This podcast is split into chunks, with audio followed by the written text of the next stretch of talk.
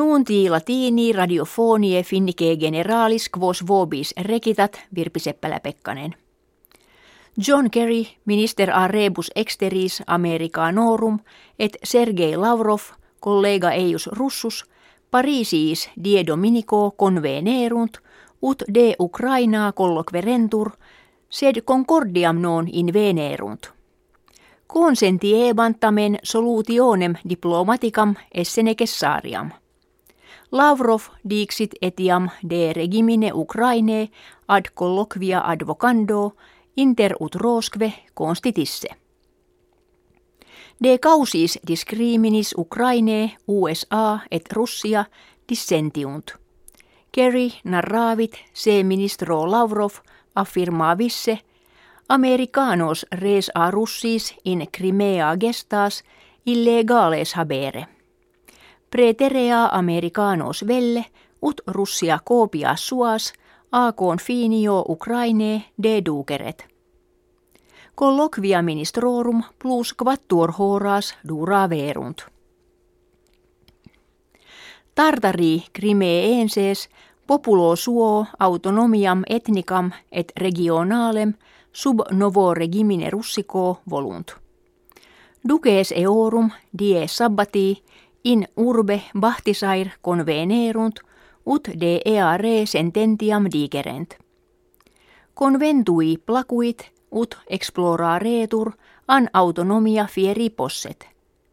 Dux eorum refat Tubarov ken sebat tempus esse historicum quo de futuro nationis consilia caperentur.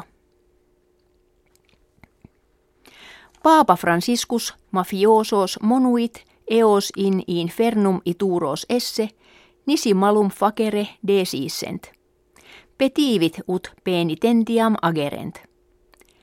Est ad hoc tempus inquit e vitare, ne in infernum cadatis, quod vos expectat, si in via mala ire pergetis. Hec vita quam nunc vivitis, vobis gaudium aut felicitatem dare non potest. Ex investigatione americana hominibus in matrimonio viventibus minus periculum est in morbos cardiovasculares incidendi quam que libibus divortio digressis viduisque.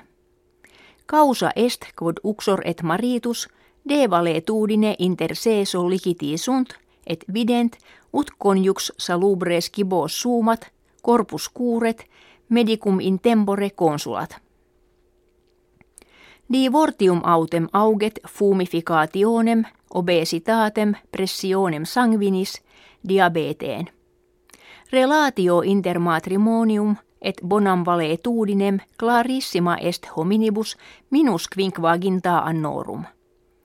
Investigationi in universitate neo eboracensi facte intererant plusquam quindeciescentena milia hominum ex quinquaginta kivitatibus Americae septentrionalis.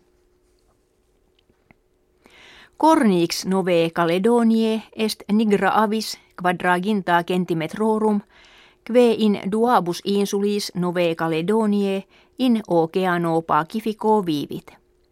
Antiquitus notum erat cornicem esse intelligentem, sed investigatio in universitate Oaklandiensi nuper facta ostendit, illam speciem conclusiones tam bene facere, quam puer quinque septem annorum. Skit instrumenta adhibere, ut spinas aut surculos, quibus kibum ex rimis angustis extrahit. Intellegit duras nukees in viam portandas esse, ut vehicula eas frangant.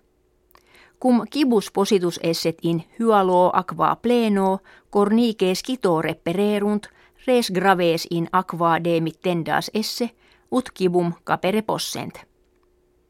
Ad finem venimus. Auscultatoribus pro fidelitate gratias agimus et valedigimus.